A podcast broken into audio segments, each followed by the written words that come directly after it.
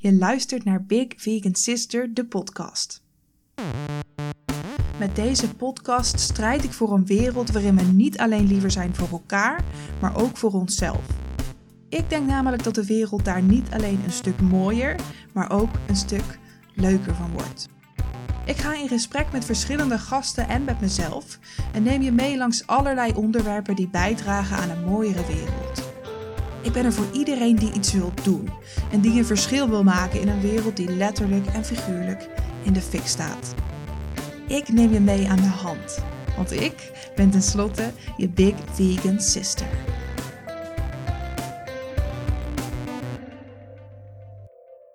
Hallo allemaal. Super fijn dat jullie weer luisteren naar een nieuwe aflevering van Big Vegan Sister, de podcast.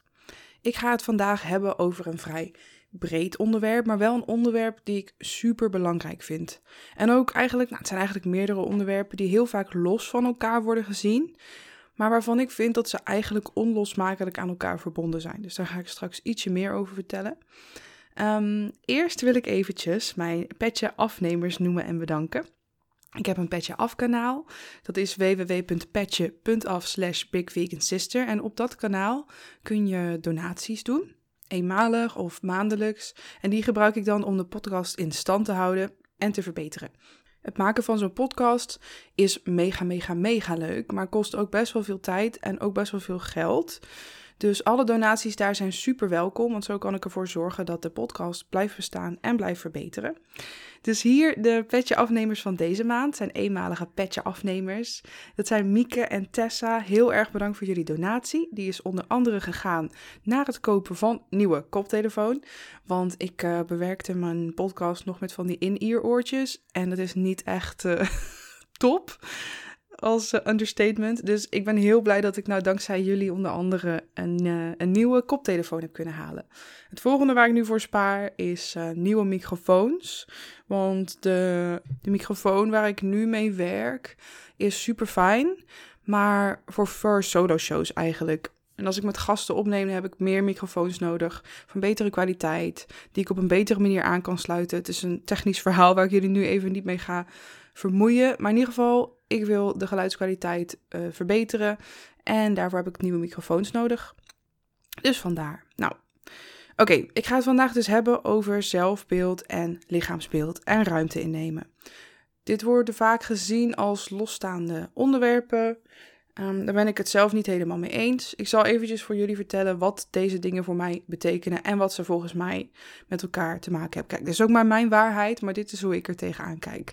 Voor mij gaat zelfbeeld helemaal over hoe jij naar jezelf kijkt en dan vooral je innerlijke deel. Wat zeg jij over jezelf? Hoe praat jij tegen jezelf? Wat vind jij van jezelf? Welke dingen zeg jij de hele dag door onbewust tegen jezelf? En datzelfde gebeurt met je lichaamsbeeld, naar mijn idee.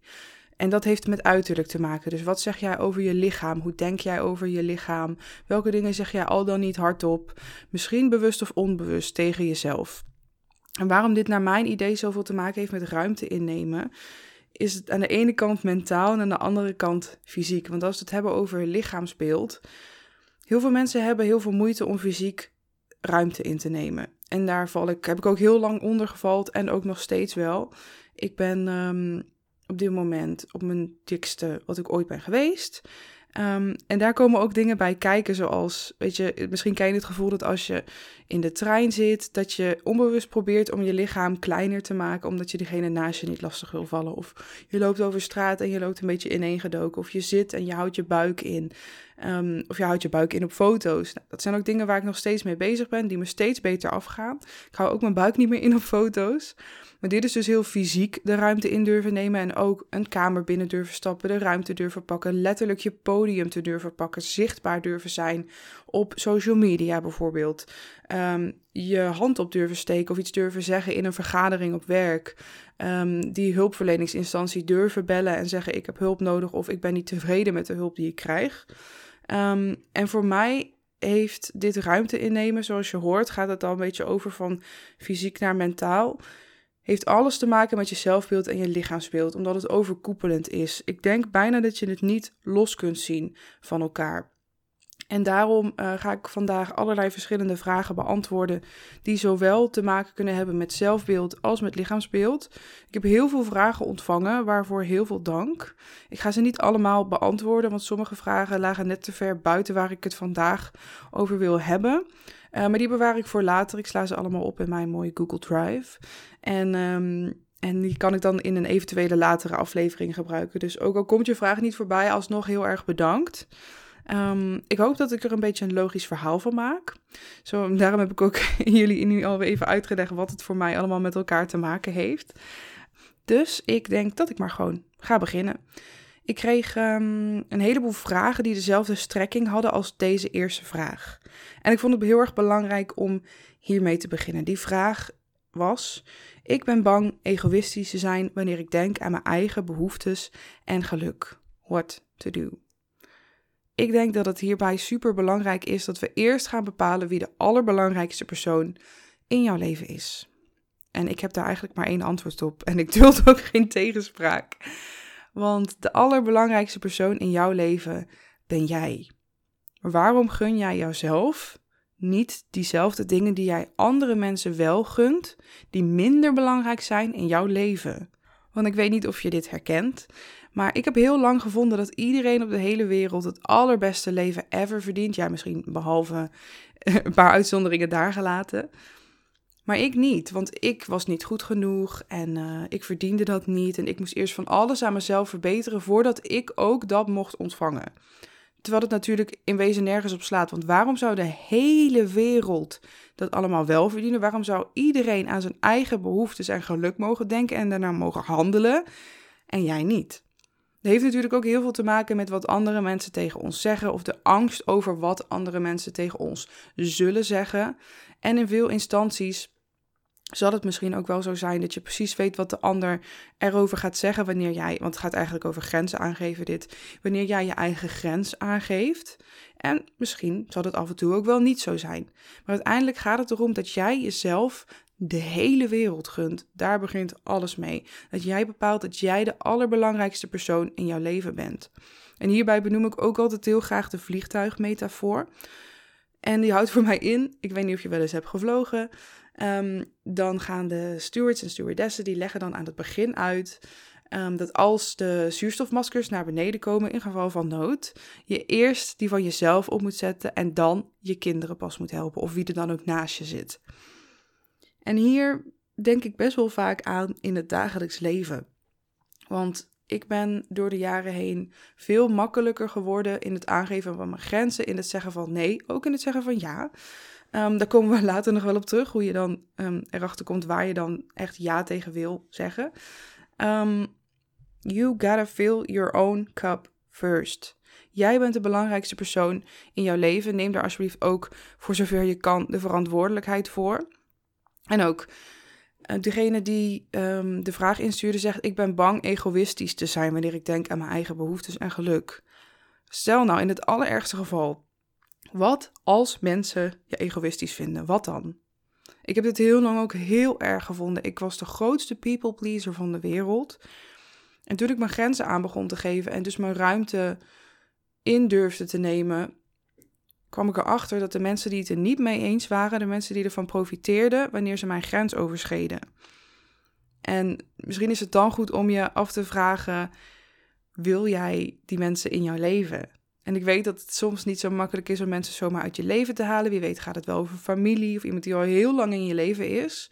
Maar besef je dat jij echt absoluut alle toestemming hebt, gewoon omdat je als mens bestaat, om aan jezelf te denken en aan jouw eigen behoeftes en geluk te denken. Want uiteindelijk gaat niemand dat voor jou doen. Tuurlijk, je hebt hopelijk mensen om je heen die jou intens steunen, die jou het beste van de wereld gunnen, maar jij zal het moeten doen. En ik hoop ook dat je je beseft dat dat mag. En um, tuurlijk, dat is af en toe moeilijk. Um, toevallig ga ik hier binnenkort een aflevering over opnemen met Eveline Drunks. Die gaat helemaal over grenzen aangeven, ruimte innemen. Hoe communiceer je die dingen? Hoe ga je daarmee om? Hoe ga je ermee om als mensen jou dus wel egoïstisch vinden? Um, dus hopelijk helpt, gaat die aflevering jou helpen. Dan komt er binnenkort een keer aan. We gaan waarschijnlijk begin december opnemen. Dus um, stay tuned daarvoor. Oké, de volgende vraag Die sluit wel enigszins aan, want het gaat ook over grenzen aangeven. Ik kreeg de vraag: hoe ga je om met de druk dat als je dingen deelt in je verhaal, je ook al die DM's die je daarover krijgt moet beantwoorden? Ik kreeg al eens uh, de DM binnen. Oh, de stories posten lukt je wel, maar antwoorden niet. En daar krijg ik zoveel stress van. Nou, hier heb ik één ding op te zeggen. Fuck hem. Serieus, fuck them.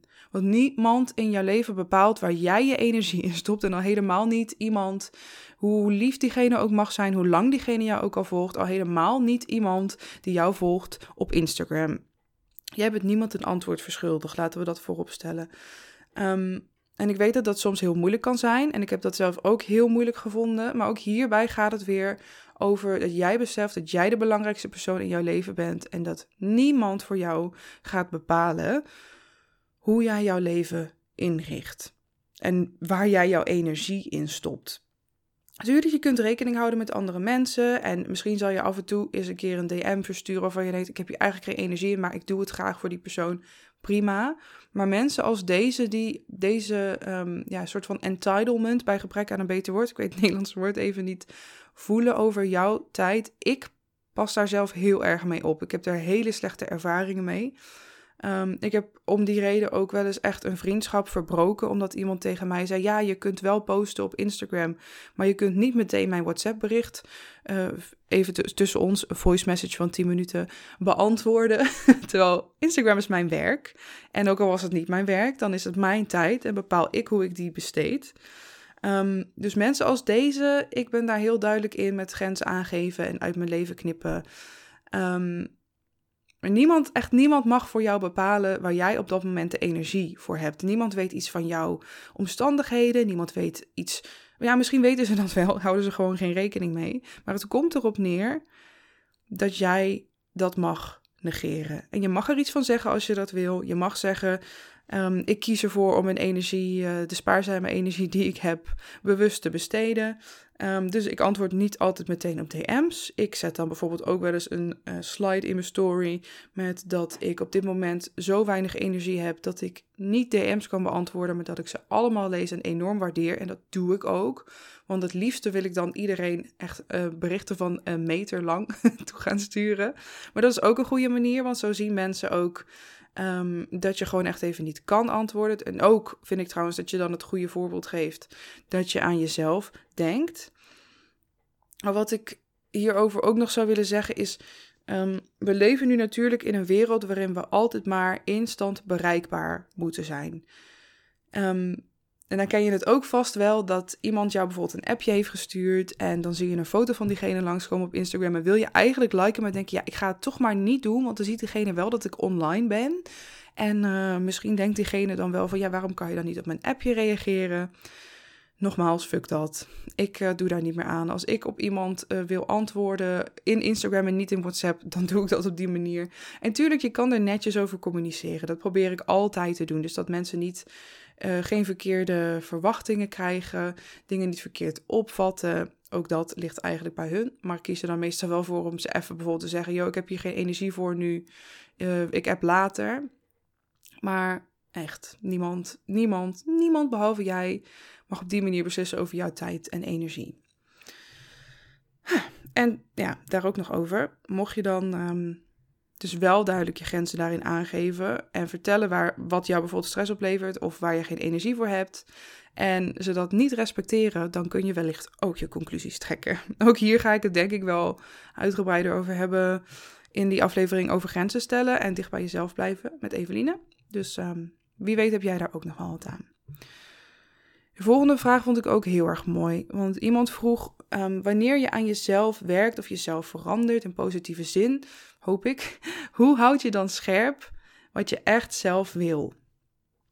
En um, ik heb het luxe probleem gehad dat ik vrijwel mijn hele leven heel goed heb geweten wat ik wilde. Ik noem het een luxe probleem omdat ik heel veel dingen wil. En mijn probleem was dus een lijn daarin vinden, die ik nu inmiddels heb gevonden, omdat alles wat ik doe um, aansluit op het mooier en liever maken van de wereld. Dus dat is mijn rode draad geworden, zeg maar. Um, maar mocht je nou helemaal geen idee hebben wat je zelf wil, daar heb ik een mooie oefening voor je. En dan wil ik heel graag dat je nu een notitieboekje of een vel papier of iets erbij pakt. Want ik wil echt dat je dit opschrijft. Want ik heb ook gemerkt, um, ik lees best wel veel uh, boeken over persoonlijke ontwikkeling. Ik kan die oefeningen in mijn hoofd doen, dan blijven ze niet hangen. Je moet het echt opschrijven. Want waarschijnlijk zul je het dan veel beter gaan implementeren. Je kunt het nog eens teruglezen. Bovendien heb je ook um, je eerdere antwoorden uit deze oefening nodig. Als je um, uh, in latere oefeningen, in deze, latere stappen in deze oefening. Zo, lekker duidelijk. Oké. Hier komt de oefening. Mocht je nou nog geen vel papier en een pen hebben, zet hem heel even op pauze en ga zo weer verder. De oefening. Eerste stap. We gaan een hele grote woordendump doen. Ik noem dit de woordenkots. we gaan alles, alles uit je hoofd halen, zodat het daar niet vast hoeft te blijven zitten. En bedenk je, dit papier is alleen voor jou. Niemand anders hoeft dit te zien. Um, wat mij betreft verbrand je hem daarna als je, het, als je het te eng vindt. Maar echt, dit papier is alleen voor jou. Dus write like nobody's watching, because nobody is watching. Oké, stap 1. We gaan dus alles uit je hoofd halen. Want als je niet weet wat je wel wil, weet je heel vaak wel wat je niet wil. En dat gaan we uitvergroten. Dus schrijf op waar je minder van wil in je leven. Schrijf op wat wil je minder ervaren, wat wil je minder voelen, wat wil je minder doen, wat wil je minder zijn. Schrijf alles, alle ellende neer op het vel. Dus waar wil je minder van in je leven? Ik voel me een klein beetje Geert Wilders nu ik dit zeg op deze manier. Dat is niet de bedoeling. Sorry hiervoor. Um, Oké, dan mag je hem even pauzeren en dan gaan we weer verder. Stap 2. Want ik vraag je nu om na te denken over hoe jouw ideale leven eruit zou zien. En dat is misschien heel eng en heel groot, maar daarom gaan we het even op deze manier aanpakken. Deze oefening heb ik van Marie Forleo uit haar nieuwste boek, Everything is Figureoutable. Je gaat deze zin afmaken. Zou het niet fantastisch zijn als? Wat zou er zo fantastisch zijn in je leven als bijvoorbeeld niemand invloed hierop had, um, je naasten altijd blij voor je zouden zijn, je altijd genoeg geld zou hebben, alles altijd goed zou gaan, je blij zou zijn met je lichaam. Dus zou het niet fantastisch zijn als? Maak die zin af. En mocht je hier moeite mee hebben, dan kan je dus terugkijken naar je antwoorden op stap 1. En dan kun je misschien kijken of je deze dingen om kunt draaien. Gun jezelf hier ook echt even de tijd voor. Dit hoeft niet binnen één minuut. En dan zijn we bij stap 3. Dat is omschrijf je ideale leven. Want stel je voor dat het niets invloed zou hebben op jou en dat alles altijd voor de wind zou gaan. Hoe zou jouw ideale leven er dan uitzien? Zonder rekening te houden met iemand. Hè? Niemand krijgt dit te lezen. Dit is alleen voor jou. Hoe zou je een dag uit jouw ideale leven eruit zien? Beschrijf hem zo gedetailleerd mogelijk, vanaf het moment dat je opstaat tot en met het moment dat je gaat slapen. Wat doe je? Wie zie je? Of niet, wie zie je niet? Hoe voel je je? Waar woon je en met wie? Um, wat eet je op zo'n dag? Wat denk je op zo'n dag? Wat doe je? Um, omschrijf die dag echt zo gedetailleerd mogelijk. En stap 4, daar gaan we nog even overdrijven.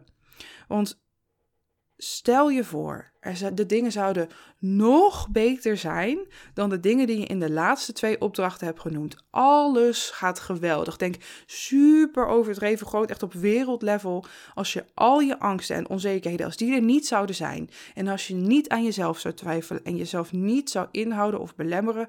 Hoe zou je ideale leven er dan uitzien? Kijk terug naar wat je hebt geschreven over die ideale dag. Kun je hier iets aan toevoegen? Kun, als je nog groter denkt, kun je hier dan iets aan toevoegen? Wat zou je het allerliefste willen? Je hoeft niet, ik zeg op wereldniveau, daarmee bedoel ik niet, je hoeft niet voor, om wereldvrede te vragen als je dat niet zo voelt. Maar stel, alles zou mogelijk zijn. Je zou uh, in, uh, in Ahoy uh, op kunnen treden met, je, met jouw band, waar iedereen gillend staat, uh, staat te kijken naar jou en meezing met je nummers. Of wie weet is het wel dat je ergens op een, in een hutje op de hei woont en met niemand te maken hebt en alleen met je hond daar zit. Denk niet na over of dit haalbaar is of niet, maar luister naar je aller, aller, allerdiepste zelf en je allerliefste, allerliefste wens. Herschrijf dat verhaal waar je in stap 3 aan bent begonnen, wat je af hebt gemaakt. En ga bij jezelf na. Voelt, voelt het goed wat hier staat? Is dit het leven dat absoluut waard zou zijn om te leven? En hou niet rekening met andere mensen, nogmaals. Want ik ken jou, jou te veel rekening met andere mensen. Oké, stap 5. Ik, um, ik wil je wel met iets praktisch verder laten gaan.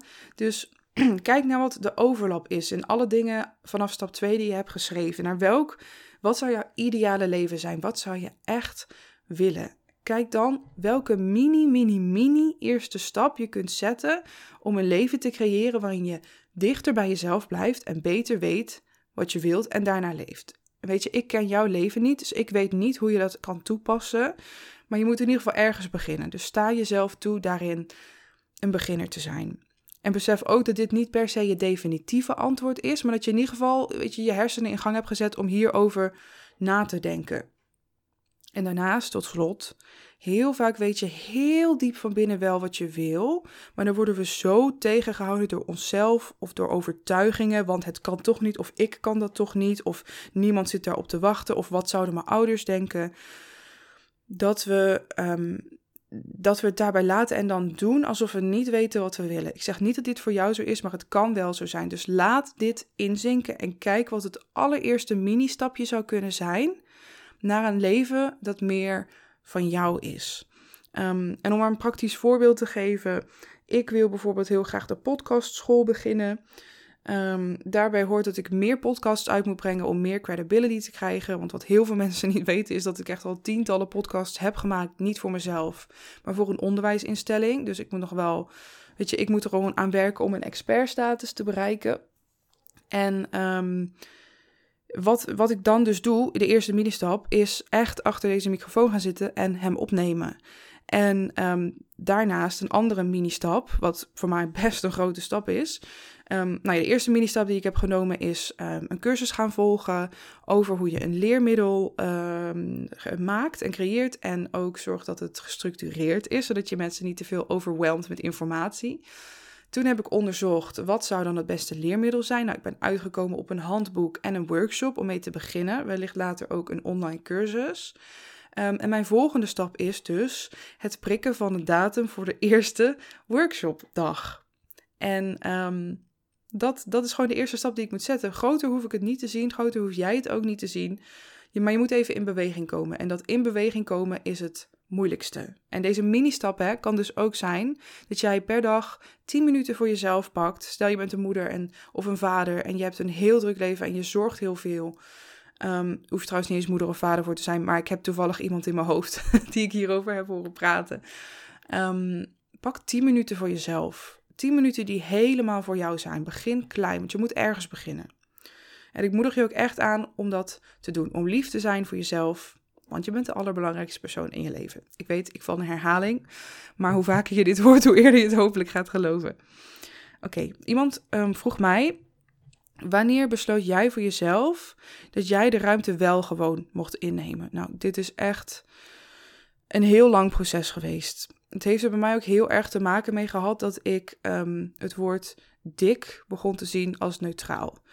Um, ik ga hier in, in latere afleveringen nog veel dieper over in. Maar voor mij is dik tegenwoordig gewoon een omschrijvingswoord. Ik ben nog voorzichtig in hoe ik het naar anderen gebruik. Ik gebruik het alleen voor anderen als zij ook zichzelf als dik bestempelen. Maar voor mij is dik gewoon net zoiets als lang, of kort, of uh, dun, of uh, groen, of rood. Je gaat tegen mij ook niet zeggen, als ik zeg ik heb rood haar. Nee joh, joh, je bent hartstikke mooi, je hebt groen haar. Dat zeg je dan ook niet. Want wat ik merk is als ik in mijn, um, in mijn stories bijvoorbeeld benoem dat ik dik ben, dat heel veel mensen super, super lief bedoeld, laten we dat voorop stellen tegen mij, zeggen: um, Nee joh, je bent niet dik, je bent hartstikke mooi. Maar voor mij heeft het ermee te maken dat ik dik en mooi ben. Omdat dik is voor mij slechts een omschrijvingswoord. En ik weet echt dat het niet voor iedereen zo is. Dat niet iedereen daar nog is, want ik ben daar heel lang ook niet geweest. Voor mij was dik het allerverschrikkelijkste wat ik kon zijn. En nu ik dat woord zeg maar heb geclaimd en me besef dat ik evenveel waard ben als ik altijd ben geweest, ook al ben ik nu veel zwaarder. Um, dat heeft mij geleerd dat ik ook ruimte in mag nemen. En bovendien, mijn leven is veel leuker geworden sinds ik ruimte innemen. Dat is super eng geweest. Maar uh, het heeft ook heel lang bij mij geduurd. Ik heb heel lang over me heen laten lopen. Um, maar uiteindelijk besefte ik dat ik het ook waard ben om een fijn leven te leiden waarin ik ruimte inneem, waarin ik aangeef wat ik wel en niet wil. Ehm, ik vind het leven gewoon veel leuker als ik ruimte inneem. En ik snap dat het misschien niet makkelijk is om dat ook te doen. Dus zoek daar dan alsjeblieft ook vooral hulp bij. Of blijf even doorluisteren naar het einde van deze uh, podcastaflevering. Want daar heb ik wellicht iets interessants voor je. Um, nou, ik vind het leven gewoon veel leuker nu ik de ruimte in durf te nemen en het mezelf ook toesta. Want ik, weet je, andere mensen mogen van mij ook hun ruimte innemen. Dus waarom zou ik dat niet mogen? Is misschien een goede vraag om eens over na te denken. De volgende vraag um, was: hoe ga je om met mensen die niet openstaan voor manieren van self-improvement? Um, en ik ga er dan even vanuit dat je bedoelt dat. Um, jij heel hard aan jezelf werkt en dat je merkt dat andere mensen op dat gebied achterblijven. Bijvoorbeeld mensen die dicht bij jou staan. En dit heb ik dus ook gehad. Daarmee wil ik niet zeggen dat ik beter ben dan hen. Ik wil wel gewoon zeggen dat we elkaar ontgroeiden. Waar je eerst heel erg met elkaar resoneerde, was het. Op een gegeven moment hadden we ja, eigenlijk niks meer tegen elkaar te zeggen. Of dus ik begon bijvoorbeeld heel erg te ergeren, omdat die persoon uh, of personen eigenlijk, de hele tijd met dezelfde hulpvragen bij mij terechtkwamen, terwijl ze hun eigen aandeel daarin niet wilden erkennen. Ik denk dat het dan ook goed is om te beseffen dat jij andere mensen niet kunt veranderen. Je kunt mensen positief beïnvloeden, je kunt je best daarvoor doen. Maar op een gegeven moment is het goed om te erkennen dat iemand um, Weet je, diegene mag dat ook zelf weten of diegene wel of niet aan zichzelf werkt. En wie weet vindt diegene zichzelf op die manier goed zoals die is. En dat mag dan ook, maar misschien is het dan goed dat jij je eigen conclusies trekt. Wil jij hierin blijven hangen? Wil jij hier je energie aan verspillen? Wil je deze persoon even vaak blijven zien? Um, wil je deze vriendschap in stand houden? En mocht dat wel zo zijn, dan is het ook goed. Maar dan moet je dus wel accepteren dat die persoon in die zin waarschijnlijk niet gaat veranderen. En dan moet je ook even kijken hoeveel van je eigen energie je dat kost. Um, Oké, de volgende vraag die ik kreeg heeft weer meer met zelfbeeld te maken. Want die vraag luidde: Wat helpt om je zelfbeeld te verbeteren? Heb je tips? Voor mij, kijk, ik heb hier heel, heel, heel veel over te zeggen. Echt heel veel. Um, dat kan niet allemaal in deze podcast. En dat kan ook niet allemaal zo algemeen als dat ik het nu doe, omdat iedereen is zo anders. Um, maar wat mij heel erg hierbij heeft geholpen, is erken dat je jezelf niet altijd fantastisch hoeft te vinden. Het hoeft niet altijd allemaal fantastisch te zijn. Niet elke dag kan geweldig zijn. Niet alles wat je doet kan geweldig zijn. Kijk, als jij nu helemaal onderop zit omdat jij een intens slecht zelfbeeld hebt, dan stel ik voor dat je naar een psycholoog toe gaat. Dat heb ik ook gedaan omdat ik een super slecht zelfbeeld had. Heeft mij enorm geholpen. Dan heb je gewoon professionele hulp nodig. Maar het kan ook zijn dat je even in een dipje zit. Of dat je op zich wel jezelf wel oké vindt, maar graag nog wat beter over jezelf zou denken. En dan hoop ik dat het goed is dat je allereerst beseft dat niet altijd alles fantastisch hoeft te zijn. Je hoeft jezelf niet altijd fantastisch te vinden. Tuurlijk is het uh, fijn en ook heel belangrijk dat je vaker positief over jezelf denkt dan negatief. Maar dit is wat mij bijvoorbeeld binnen body, positivity, uh, sorry, body positivity scene heel erg um, irriteert. Is dat um, alles moet maar fantastisch zijn. Je moet alles wat je bent en hebt omarmen. Terwijl ik vind helemaal niet dat dat hoeft. Het zou, hoe mooi zou het zijn als je neutraal naar jezelf kunt kijken met uitschieters naar boven. Mij heeft het heel erg geholpen om me te beseffen dat niet altijd alles fantastisch hoeft te zijn. Dat ik mezelf niet altijd fantastisch hoef te vinden. Dat is helemaal niet realistisch. Vraag het maar eens aan andere mensen. Die vinden zichzelf ook echt niet altijd helemaal fantastisch. Dat hoeft ook helemaal niet. Uh, maar ook wederom hierover, ik voel me echt zo'n Amerikaanse podcast host, niet met stay tuned. Maar aan het einde van deze podcast heb ik wellicht iets heel interessants voor je, waarin we dus dieper hierop ingaan. Maar daar kom ik zo. Um, oh ja, deze vraag sluit hier ook mooi op aan. Kun je ook leren houden van wat je niet mooi vindt? En um, dit is een ding waar ik heel erg mee bezig ben. Want dat is ook een beetje het verschil tussen body positivity en body neutrality. Want waarom moeten we alles mooi vinden aan onszelf. Er wordt ons, weet je, deze maatschappij is enorm gefocust op uiterlijk, op um, je verschijning. Um, je waarde hangt daar heel erg van af. En het gaat er altijd maar over dat je mooi moet zijn, dat alles aan jezelf mooi moet zijn, dat jij um, alles mooi moet vinden. En dan vraag ik me af, waarom moet dat? Ik vind dat zo ongelooflijk vermoeiend. Kijk, ik zou het verschrikkelijk vinden als jij naar je lichaam kijkt en een monster in de spiegel ziet. Dat heb ik heel lang gehad. Dat is niet wat je wil. Dat is ook zeker niet wat ik wil voor jou. Maar stel, je denkt gewoon vrij, oké over je lichaam, maar er zijn bepaalde onderdelen van je lichaam die je niet zo mooi vindt.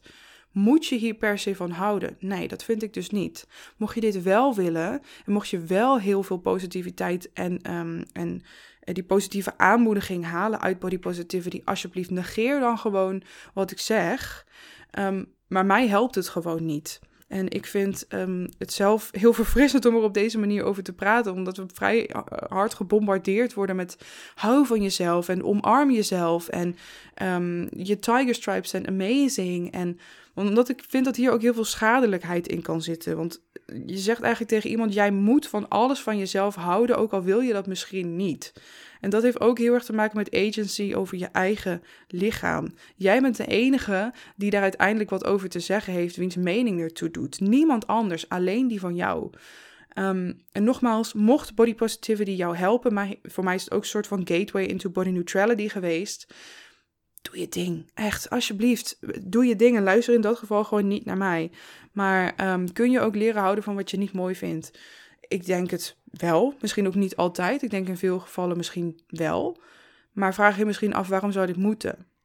Als jij dit heel erg belangrijk vindt, ehm, dan snap ik dat. Maar kijk misschien in eerste instantie of je neutraal ernaar kunt kijken. Dat je het registreert dat het er is, dat het er mag zijn en dat dat het is. Dat je niet per se meteen een mening over hoeft te vormen. Niet per se positief en niet per se negatief. En iemand vroeg mij ook, hoe ga je om met andere mensen die reageren op jouw veranderende lichaam? En daarvoor pak ik heel eventjes een DM erbij die ik kreeg van iemand. Klein momentje. Oké, ik heb hem. Um, iemand stuurde mij een DM naar aanleiding van een quote die ik postte in mijn stories. Um, en die quote is in het Engels. Um, dat is: It's pretty messed up that society will praise you for shrinking your body, regardless of how disordered your habits may be, and judge you for the weight you gain as you're healing. En daar had ik bijgezet, die komt binnen, omdat die echt heel hard binnenkomt. En dit is ook echt een ding waar ik um, waar ik heel veel over te zeggen heb. Wat ik binnenkort ook ga doen. Ook weer in een andere aflevering met twee gasten. Maar in ieder geval om terug te komen op die quote. Iemand stuurde mij: Oh mijn god, hier heb ik nu zoveel last van. Ik was dus vorig jaar in Suriname en nu ben ik terug en ben ik met wat meer kilo's. En iedereen vraagt me: hoezo ben je dikker en waarom? En het valt echt op en dit maakt me heel erg verdrietig omdat ik eindelijk aan mezelf gewerkt heb. En mensen zien alleen een dikkere versie en niet een verbeterde versie. Aardig. Oeh, dit kwam, um, dit kwam best wel hard binnen. Bij mij ook. Omdat ik dit zelf heel erg heb meegemaakt. En ook hier gaat het weer heel erg over jouw agency, jouw zeggenschap over jouw eigen lichaam. Want niemand anders dan jij heeft het recht om een mening te vormen over jouw lichaam. Maar helaas gebeurt het wel. Ik heb dit ook meegemaakt. Um, ik heb zo vaak meegemaakt ik, um, ik weet niet of jullie dit weten.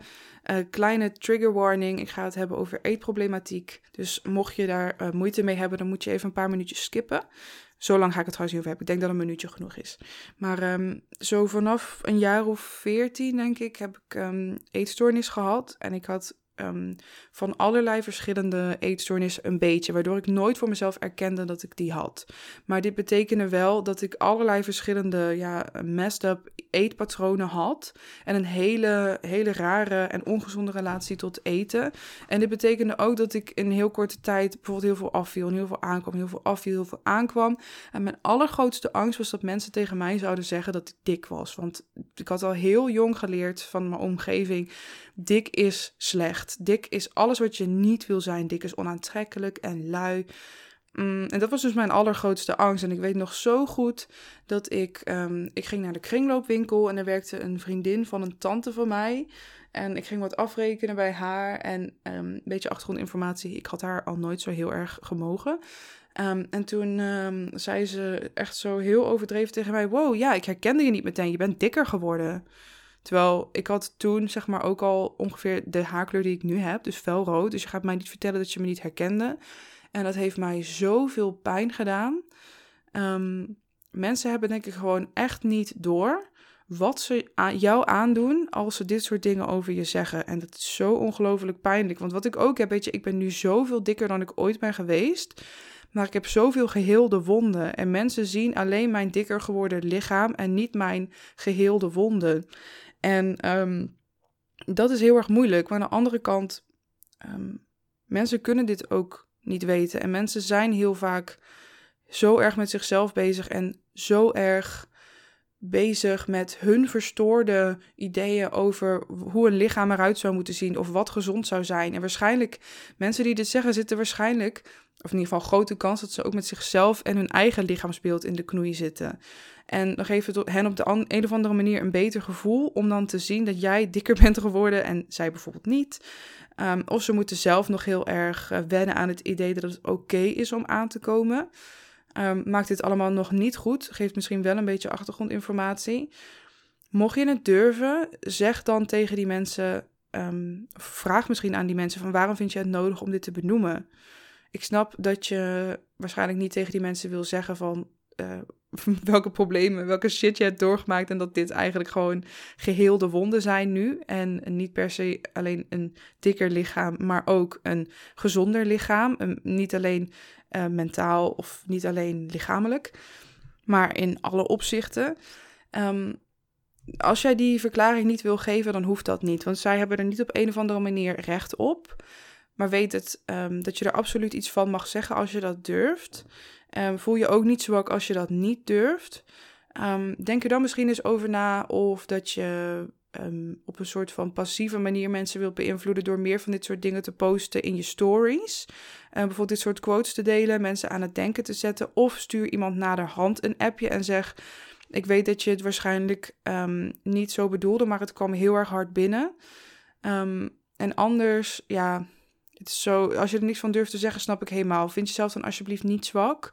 Zoek dan alsjeblieft steun bij iemand die je vertrouwt en die je kent. En besef je dat jouw lichaam, in welke vorm die ook heeft, of het nou heel erg dun of heel erg dik of iets daartussenin is, dat die er altijd mag zijn en dat niemand daar iets over te zeggen heeft dan jij. Hoe pijnlijk dat ook kan zijn. En ik wens je sowieso heel veel liefde toe, want I've been there en nog steeds.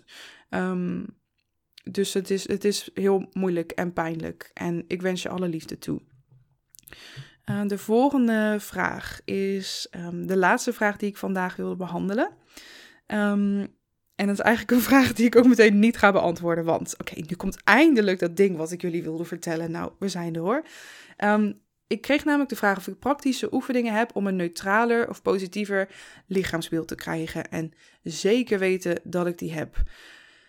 En die ga ik doen met jullie in een workshop. Um, ik geef jullie met deze podcast heel graag zoveel, um, zoveel mogelijk gratis input en dingen waar je zelf al mee in de slag kan. Maar ik merk dat wanneer het over gaat over bijvoorbeeld lichaamsbeeld, om er een neutraler beeld van te krijgen en ook over je zelfbeeld en meer ruimte in durven nemen, is het vaak heel fijn om gewoon praktisch aan de slag te kunnen. En nogmaals, mocht jij nou denken, dit zit te diep, ga dan alsjeblieft naar een psycholoog, want ik ben geen psycholoog. En een psycholoog heeft mij heel erg geholpen.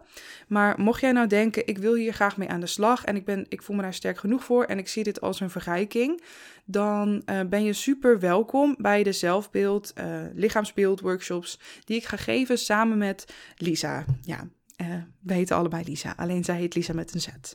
Um, wij gaan namelijk uh, in januari, is de allereerste, de pilot, gaan we workshops geven waarin we aan de slag gaan met jouw lichaamsbeeld en jouw zelfbeeld. Want hoe kun je neutraler naar jezelf kijken? Hoe kun je ook positiever naar jezelf kijken? Wat zeg je eigenlijk op dagelijkse basis allemaal tegen jezelf?